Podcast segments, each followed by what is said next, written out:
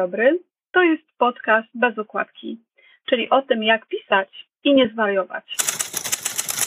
Nazywam się Olga Bartnik i z Marzeną Józefczyk będę rozmawiała o strykaniu, geografii, podróżach i o pisaniu.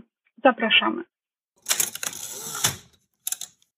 Proszę Państwa, moja dzisiejsza um, rozmówczyni, mój dzisiejszy gość, jest ukryty pod, e, w internecie pod kryptonimem Strykowisko. Jest doktorem e, stosunków międzynarodowych. Alma Mater to Uniwersytet Wrocławski. Jest międzygórzanką z krwi i kości. E, obecnie większość czasu spędza w podróży lub opiekując się końmi w Norwegii. Mówi o sobie, cytując Andrzeja Poniedzielskiego, że jest globtrotuarką, obelży świadką i poliglutką. Jest pilotką i przewodniczką turystyki konnej. Nietuzinkowym poczuciem humoru zaraża uczestników wypraw, a liczne opowieści umilają każdy wieczór spędzony w jej towarzystwie. Nie rozstaje się z aparatem. Zdjęcia mnie po prostu przyprawiają o gęsią skórkę. E, w tym swoim aparacie, pewnie nie jednym, zapisuje tak jak we własnej pamięci, e, miejsca i twarze i końskie pyski, jak myślę. E, jest autorką czterech książek, o których za chwilę porozmawiamy. Witaj Marzeno. Cześć Olu. Dziękuję Ci, że e, przyjęłaś zaproszenie do tej rozmowy. Wiem, że złapałam Cię tuż przed wyjazdem. Tak, dosłownie w ostatniej chwili, jutro tuż po śniadaniu ruszam z grupą na Kilimandżaro. To który raz na Kilimandżaro? Szczerze, nie pamiętam. Pierwszy raz był w 17, a później to tak co roku, a czasem nawet dwa razy w roku. O kurczę. I ty jesteś przewodnikiem tam? Mm, tak, ja tam jadę jako przewodnik, jako polski pilot. Natomiast na miejscu oczywiście wynajmujemy mm, miejscowych przewodników, bo po pierwsze takie są przepisy Parku Narodowego Kilimandżaro, a po drugie no, miejscowi jednak doskonale znają realia i organizują nam e, wejście, no tak, żeby było jak najbardziej bezpiecznie. Mhm. Pamiętasz swoje pierwsze wejście na Kilimandżaro? Bałam się, że o tym wspomnisz. E, tak, tak. Pamiętam swoje wejście na Kilimandżaro, które się zaczęło właściwie rok wcześniej, kiedy po raz pierwszy byłam w Tanzanii. Poleciałam tam sama. Mm, no i e, poznałam trochę ludzi, już wiedziałam, jak się tam poruszać, znałam przewodników miejscowych, a wracałam do Polski akurat w Sylwestra. Rano wylądowałam w Warszawie i od razu pędziłam do swojego ukochanego Międzygórza. Domyślasz się, że byłam zmęczona lotem, podróżą. No i długo nie zajęło moim znajomym, by mnie wprowadzić w stan podwyższonej świadomości i upojenia, że może tak to określę. No i, i po pijaku mnie po prostu namówili, żebym im zorganizowała wejście na Kilimandżaro. A ty oczywiście bardzo chętnie. No i, i 10 miesięcy później 10 miesięcy później już leciałam po raz pierwszy z grupą. Niesamowite. Ile czasu zajmuje przygotowanie takiego wyjazdu? Mm, kilka miesięcy, e, bo, mm, bo najpierw to są negocjacje z ekipą tam na miejscu. E, już teraz to są moi przyjaciele. Na początku tak łatwo nie było. Trzeba było sobie tam relacje z miejscowymi układać. E, teraz lecę tam po prostu jak do drugiego domu. Mhm. Trzeba zebrać grupę, e, trzeba tej grupie wszystko wyjaśnić dokładnie, co, jak i, i w jakim terminie. Mm, no i trzeba też trochę pomóc ludziom na miejscu. E, więc bardzo często z tymi wyprawami na Kilimandżaro wiążą się a to zbiórki e, pieniędzy na szkołę. Mamy taką zaprzyjaźnioną szkołę podstawową publiczną, czyli bardzo, bardzo niedofinansowaną przez rząd mhm. tanzański. E, także a to kupujemy im jakieś ławki, a to remontujemy zbiornik wodny, a to kibelki jakieś się udało mhm. wyremontować. Mm, no i Zbieram też rzeczy dla tych porterów, którzy pomagają mi to Kilimandżaro organizować, więc za każdym razem też jest akcja zbiórki ciepłych ciuchów, górskich ciuchów, termosów, latarek, takich rzeczy, które nam się często już nie przydają, leżą gdzieś na dnie szafy, a chłopaki z tego robią użytek i te rzeczy mają kolejne życie tam w Afryce. Pamiętam taki apel, który wystosowałaś przed poprzednim wyjazdem. Teraz jest już troszkę późno, ale jak Państwo macie ochotę tutaj wesprzeć, wspomóc, to wszystkie dane kontaktowe do Marzeny będą e, w opisie odcinka. Mm, jak, y, jeśli chodzi o te grupy, to powiesz nam trochę, jak, jak duże to są grupy, ile osób? Maksymalnie 10 osób. Nie lubię dużych grup, źle się z nimi czuję i dlatego dużych grup ze sobą nie zabieram, a jednak y, stawiam na indywidualny kontakt i to jest wtedy to jest wtedy maksymalna grupa. Zwykle to jest około 8 mm, osób. Mhm. No i no i fajnie, jak ludzie mają, y, mają pasję i chcą zrobić ze sobą, ze swoim życiem coś innego, i wtedy właśnie wpadają im do głowy szalone mhm. pomysły między innymi wejście na Kilimandżaro, więc y, też bardzo dobrze te grupy wspominam. To są naprawdę fajni ludzie, do tej pory utrzymujemy kontakt, także to jest taka moja wisienka na torcie naprawdę fajnej pracy, jaką mam. E, to są jeszcze te wszystkie znajomości, które pozostają na długo. Mhm. A kto, co to są za ludzie? To są, to są zmęczeni e, polską pogodą biznesmeni, e, wspinacze na skałki, którym brakuje adrenaliny w polskich warunkach. Co to są za osoby? Najczęściej to są osoby, które już mają za sobą pierwsze związki, może tak to określę. Coś się w życiu zmieniło, coś się rozpadło i budują swoją tożsamość, budują siebie na nowo i dlatego właśnie szukają takiego mocnego przeżycia. Mhm. Mm, szukają czegoś więcej, bo na przykład nudzi im się praca w korpo e, i już by chcieli coś, adrenaliny trochę, coś, coś więcej zrobić ze swoim życiem. E, bardzo często też ludzie się pozdają na takich wyjazdach, więc tak jak mówię, jeśli są już gdzieś tam po jakimś nieudanym związku, E, to bywa, że i znajdują sobie drugą połówkę na takim wyjeździe, no bo jednak spotykają ludzi o podobnym sposobie myślenia i mm, no i coś tam klika. Jasne. Rozumiem. Też jest pięknie to obserwować. Mhm. I to już bawiłaś się na jakimś ślubie? E, akurat z pary z Kilimandżaro nie, ale E, ale na ślubach e, ludzi, którzy byli ze mną na pierwszym wyjeździe, już zdecydowanie tak. Aha, niesamowite. A ty w ogóle potrafisz usiedzieć długo w jednym miejscu? Jak wygląda twój rok? Wiesz co, nie no, w tym roku to już tak łącznie ze dwa tygodnie byłam w domu. Uważam to za sukces. E, wiesz co, jak te wyjazdy się nakładają, to tęsknię strasznie za domem i już się nie mogę doczekać, tym bardziej, że, e, że uwielbiam e, być taką kurą domową, dbać o ogródek, gotować, po prostu robić wszystko to, co, co pani robi w domu. I strasznie mi tego brakuje na wyjazdach. No ale jak już tak kilka tygodni się posiedzi i wszystko w ogródku już ładnie rośnie, no to wtedy coś zaczyna ciągnąć Aha. w świat. I to jest zwykle ten czas, kiedy już jest zaplanowana jakaś wyprawa, więc, e, więc wtedy po prostu ruszam dalej. Rozumiem. Ja pamiętam, jak e, przy pewnym stole w, na norweskiej wyspie, w pewnym domu e, na norweskiej wyspie, siadły dwie pary i, i e, ja nie mogłam od Marzeny, przyznam szczerze, oderwać oczu, e, bo była jakby ucieleśnieniem wszystkiego tego, czego ja nie miałam. Ja byłam wtedy mamą i żoną w stu procentach i tylko to. I oto przyjechała do naszego domu Globetrotterka i dwa dni później, od, czy, czy następnego dnia wspięła się ze swoim E, ze swoim mm, towarzyszem podróży na Trolltungę, zdaje się, tak? To była Trolltunga? Tak, tak. Jechaliśmy od Was chyba prosto na Trolltungę albo na Kierak, Aha, któryś z tych takich aha. najfajniejszych punktów Norwegii.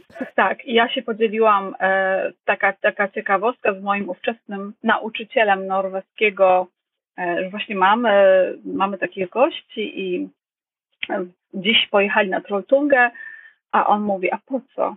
I on, bo Nor- jest rodowitym Norwegiem, a po co? a po co? Po co? Myślę sobie, ojejku, to nie tylko ja. to, to nie tylko ja się zasiedziałam. Wiesz co, to tak jak wielu, wielu mieszkańców Międzygórza w życiu nie było na Śnieżniku. No. Aha. A ile to, jaka to jest odległość? 10 kilometrów czy 5? Mniej niż 5. Mniej niż 5. Mhm. E... W linii prostej. Mhm. Jak to jest, e, już trochę powiedziałaś o tym, że, że tęsknisz i że tęsknisz do domu, e, a ten dom to jest właśnie Międzygórze, rozumiem. Nie, już od dawna nie, Olu. Mhm. Mm, nie aktualizowałyśmy się tak. przez jakiś czas, ale, mm, ale z Międzygórza się wyprowadziłam dokładnie 10 lat temu. Aż w tym roku mija 10 lat. E, trochę byłam bez domu i tylko miałam szafę w samochodzie. Przemieszczałam się z tym, z tym całym tobołem jeszcze z psiakiem. Mhm, pamiętam. Po, po Polsce, tak. Ale mm, teraz osiadłam y, na Mazowszu, takim trochę mniej znanym, bo, bo ledwie 60 km od Warszawy jest dziko, E, można spotkać łosia. Dzisiaj właśnie naszłam żurawie, mam zdjęcia z odległości 50 metrów. Mm, także bobry mają żeremie około 100 metrów y, od, y, od działki. Aha. E, więc jak tylko wracam z podróży, to zapadam na tych nadnarwiańskich bagnach i staram się po prostu nie wystawiać nosa e, poza dom. Nawet nasze spotkanie było okupione takim wymuszonym wyjazdem, e, bo nawet nie mam zasięgu tak, e, na tyle tak. dobrego tak. w domu, żebyśmy mogły gadać. Także, także no, namówiłaś mnie. Namówiłam cię. Bardzo się cieszę. To ci jeszcze powiem, że ja rozumiem, że wszyscy chcą mnie na Mazowsze, bo ja jestem mazowszanką, e, z tym, że moje to bardziej nadburzańskie tereny, Małkinia i okolice. Mhm. No proszę, no to świat. Także e, dzielisz ten, ten koczowniczy tryb życia taki trochę, właśnie podróżniczki, z miłością do, do miejsca, które nazywasz domem. To jest niesamowite. I tak sobie myślę jeszcze o Norwegię cię popytam. Co ty tu robisz w Norwegii? No, raz mi szefowa wytknęła, że jestem e, najbardziej przekwalifikowanym pracownikiem jej stajni. bo e, no, pomagam po prostu przy koniach, bardziej przy turystach, no ale, mm, ale ci turyści przyjeżdżają do nas na konie, zimą na kuligi, a latem e, na takie wycieczki konne po lesie. Mm, więc e, zimą do moich obowiązków należy zwykle przygotowanie miejsca, e, do którego jeździmy, rozpalenie ogniska, świeczek, e, później, później przygotowanie koni, zaprzężenie ich w sanki. Kulik. I jazda przez mhm. zamarznięte bagna e, tam do miejsca. Zwykle zorza polarna jeszcze się trafi, albo jakiś piękny zachód słońca, więc, więc naprawdę mam chyba najlepszą pracę na świecie. Niesamowite. Ja polecam Państwu, e, naszym słuchaczom również wejść na profil e, facebookowy czy, e, czy, czy bloga Marzeny, bo tam właśnie te zdjęcia z Norwegii są przepiękne. Ja, ja nawet się nie wyślam, żeby robić swoje zdjęcia w zorzy. Ściągam od Marzeny, chwalę się, tu jest taka, tu jest taka specjalistka od, od życia, od życia norweskiej fotografii, prawda? To tak myślę sobie, mieszkając w jednym kraju trudno się nie spotkać. Ja mam nadzieję, że w końcu nam się to wydarzy. a propos, a pro, myślę w lato. A propos um, tego, że jesteś przekwalifikowana, to e, z jakiego kraju musieliby przyjechać ludzie, żebyś się nie dogadała? Bo ty jesteś poliglotką, mówisz iloma językami? Pięcioma, tak biegle, a w kilku innych się dogaduje. Mhm. Czyli skąd musiałby przyjechać gość, żebyś się nie dogadała? Zakładając, że on nie zna angielskiego.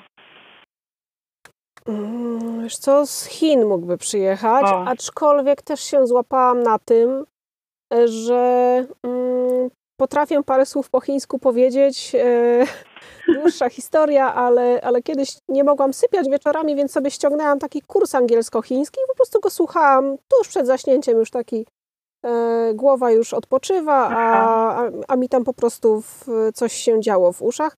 No i to trwało przez kilka miesięcy, później zupełnie o tym zapomniałam.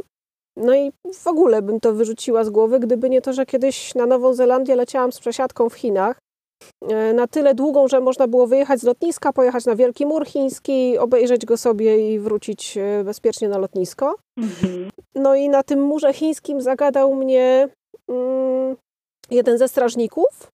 On oczywiście nie znał żadnego innego języka poza chińskim. O coś mnie zapytał, a ja mu odpowiedziałam po chińsku. E, I się chwilę zastanawiałam, co o co on mnie zapytał i co ja mu odpowiedziałam. Wiedziałam, że to jest właściwa odpowiedź na to pytanie, ale długo to trwało, zanim do mnie dotarło, mm, jakie było pytanie i co odpowiedziałam. Po prostu gdzieś tam z tyłu świadomości zostały strzępy tego kursu e, mhm. angielsko-chińskiego i byłam w stanie to wykorzystać, aczkolwiek mało świadomie. Mhm. To był mandaryński? E, tak, tak, to był mandaryński. Niesamowite. Słuchaj. E... Ale nie, nie, nie mówię po chińsku. Nie, nie, okej. Okay. To ja mam, ja mam chińskich znajomych, muszę zorganizować i chociaż to będzie trudność, bo oni mówią zarówno po norwesku, jak i, jak i po angielsku. E, a powiedz, jak z norweskim, już, już słyszysz, już e, czujesz ten melodię tego języka? Mm, wiesz co, potrafię powiedzieć jej szlakkerike norsk. Okay. I to ponoć z całkiem niezłym akcentem. E, tak samo, wiesz co, to jest bardzo przydatna umiejętność. E, potrafię to powiedzieć w wielu językach. Na przykład potrafię powiedzieć po persku, że man farsi balatni stam. E, to jest bardzo cenna umiejętność, która natychmiast ci otwiera, no kończy się zwykle śmiechem, E, i otwiera pole do dyskusji już albo na migi, albo w jakimś języku, w którym się wspólnie rozumiemy. Aha. Natomiast tak, rozumiem coraz więcej po norwesku, nawet się czasem szefostwo łapie na tym, że oni o czymś, między, o czymś gadają między sobą, e, a ja już bez pytania o tłumaczenie po prostu idę i, E, i robią to, e, o czym gadali, mhm. śmieją się tylko, natomiast faktycznie nie potrafię mówić po mhm. norwesku. Jeszcze, jeszcze. jeszcze, bo to, ja mam takie doświadczenie, że to jakby, że ten moment otwierający jest usłyszeć um, melodię tego języka, nie? Zresztą ja, przynajmniej moje doświadczenie jest takie i później już idzie. Mhm. Tak chciałam. Tak, o... miałam tak z hiszpańskim. Aha. E, miałam tak z hiszpańskim. Najpierw się go osłuchałam dość dobrze, bo kilka miesięcy spędziłam w Meksyku na różnych wyjazdach i później bardzo łatwo i bardzo szybko e, poszło, poszła nauka. Mhm.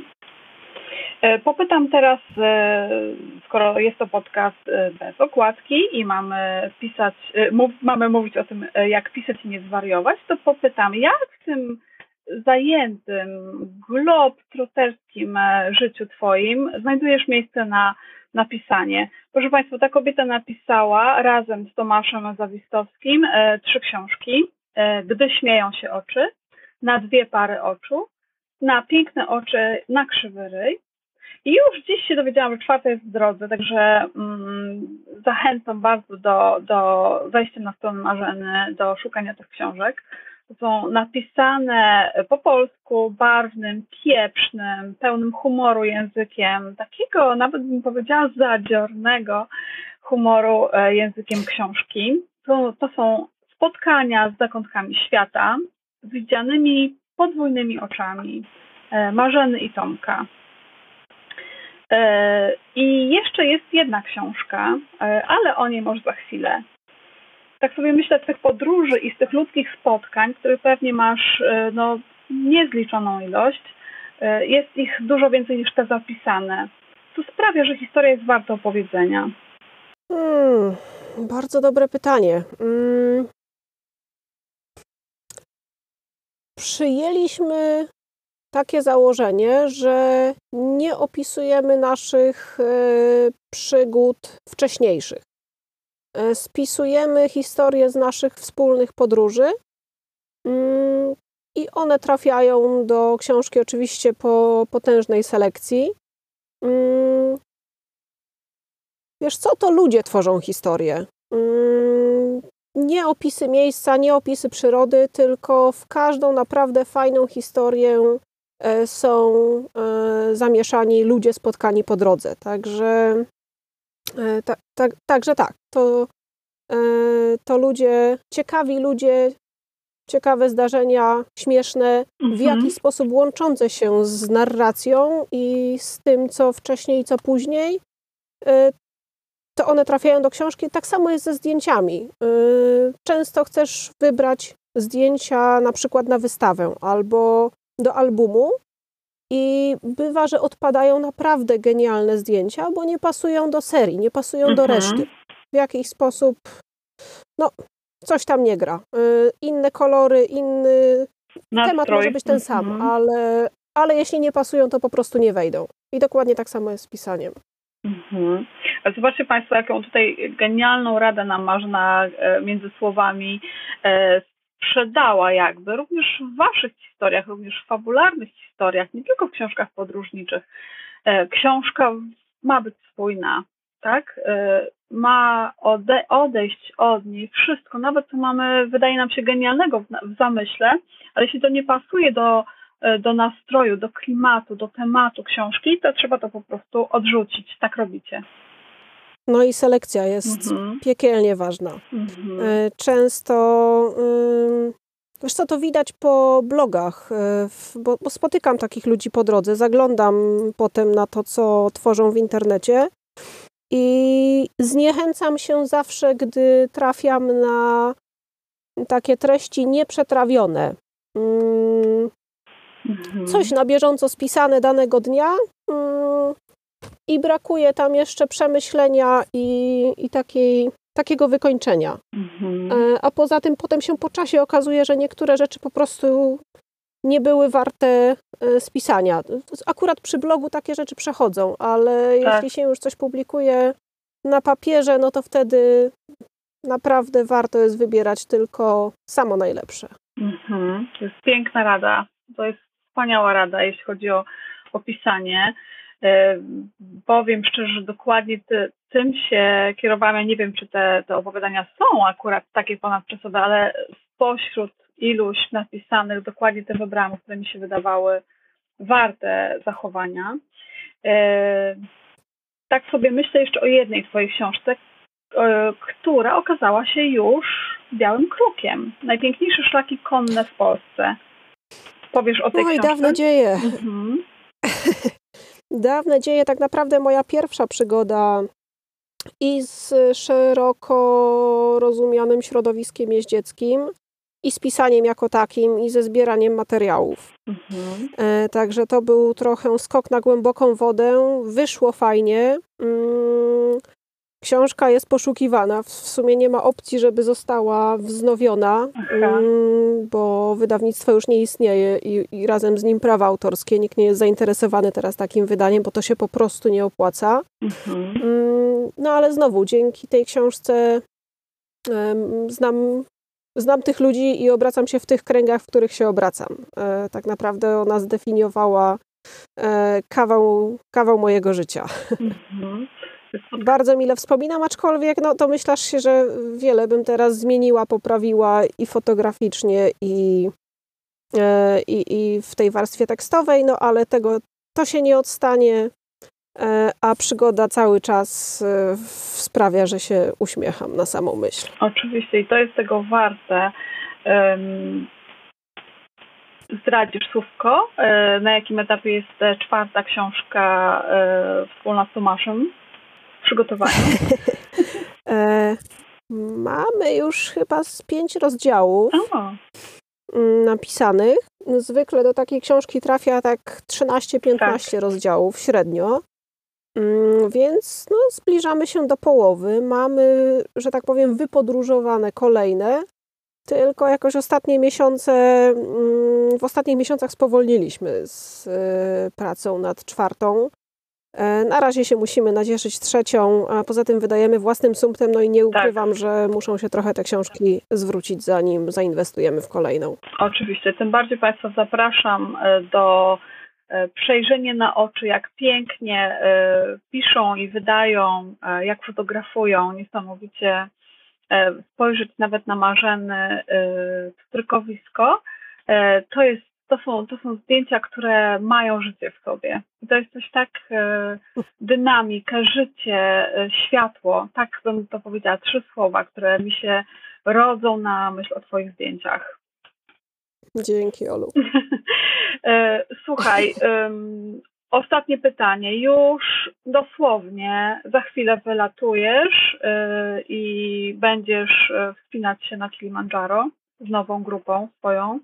Y, powiedz, jakby czego ci życzyć, za co trzymać kciuki, mm, czego byś sobie życzyła od tego wyjazdu? Żeby wszyscy zdrowi byli. Aha. Nie, tak naprawdę, wiesz co, jak jest fajna grupa, a jakoś się za bardzo o tę grupę nie obawiam, e, to, y, to czekam na historię. Mm, warto z ludźmi rozmawiać, bo, bo czasem takie historie opowiedziane przez nich e, są potem spisane i trafiają do naszych książek. E, czasem się coś zadzieje, mm, takiego, że, że warto gdzieś to, że się zazębi z inną opowieścią i warto gdzieś to umieścić. E, także chyba możesz mi życie, życzyć ciekawych opowieści. E, no właśnie po to, żeby ta czwarta jakoś trochę, trochę szybciej powstała. Życzymy e, dobrych czytelników, wielu czytelników. No i oczywiście, tak jak mówisz, dobrych opowieści. Życzymy, żeby ta grupa była zwarta, gotowa, idąca za tobą. E, I nie, nie to, że posłuszna. Nie ma wyjścia. Nie, nie ma wyjścia. E, a, a powiedz, zdarzają się jakieś takie podbramkowe sytuacje, w sensie ktoś wejdzie na górę i nie chce zejść? E, nie, takie coś mi się nigdy nie zdarzyło, aczkolwiek zdarzają się sytuacje, gdy ja mówię, że ktoś nie wchodzi, bo ma wyraźne objawy choroby wysokościowej, a mimo wszystko taka osoba idzie dalej. Oczywiście wtedy na własną odpowiedzialność ja umywam od tego ręce, ale ale się zdarza. Do tej pory się udawało za każdym razem, więc, e, więc tego się trzymajmy. Mhm, tego się trzymajmy, że, że istnieje coś więcej, opatrzność, która nad Wami czuwa. Tego Wam bardzo życzymy. Mhm. E, proszę Państwa, drodzy słuchacze podcastu, bez okładki. E, moim gościem była dzisiaj Marzena Józefczyk, autorka książek podróżniczych, pani na pstrykowisku, e, koniara, że tak powiem. Dziękuję Ci serdecznie, Marzena. Dzięki Olu za zaproszenie. A ja jeszcze tylko dodam, pozwolę sobie Oczywiście. na taką małą prywatę, że wszystkie trzy książki podróżnicze y, można dostać u nas. Po prostu trzeba do mnie napisać na pstrykowisku albo bezpośrednio na Facebooku i ja wtedy wszystko wyjaśniam co i jak. Y, ewentualnie można je kupić w Międzygórzu, w Galerii Kotlina, można je kupić we Wrocławiu, w księgarni podróżniczej, mm, ale najfajniej jednak jest mieć bezpośredni kontakt z przyszłym czytelnikiem i, i fajnie jest, jak y, do nas ktoś trafia i pyta o taką książkę. Super. Czy, y, czy słuchacze i czytelnicy mogą liczyć na książki z autografem? No, oczywiście, że tak. Super, super. I to obojga autorów. Obojga, obojga autorów, wspaniale. E, bardzo się cieszę. Dziękuję Ci raz jeszcze za tę rozmowę. E, I no nie wiem, szerokiej drogi czy wąskiej, e, takiej jaka będzie najlepsza. Wysokich lotów, tak? I tej samej liczby lądowań i startów. Dok dokładnie tak. Wszystkiego najlepszego. A Państwa, Dzięki, a państwa zapraszam za dwa tygodnie na kolejny odcinek podcastu bez okładki.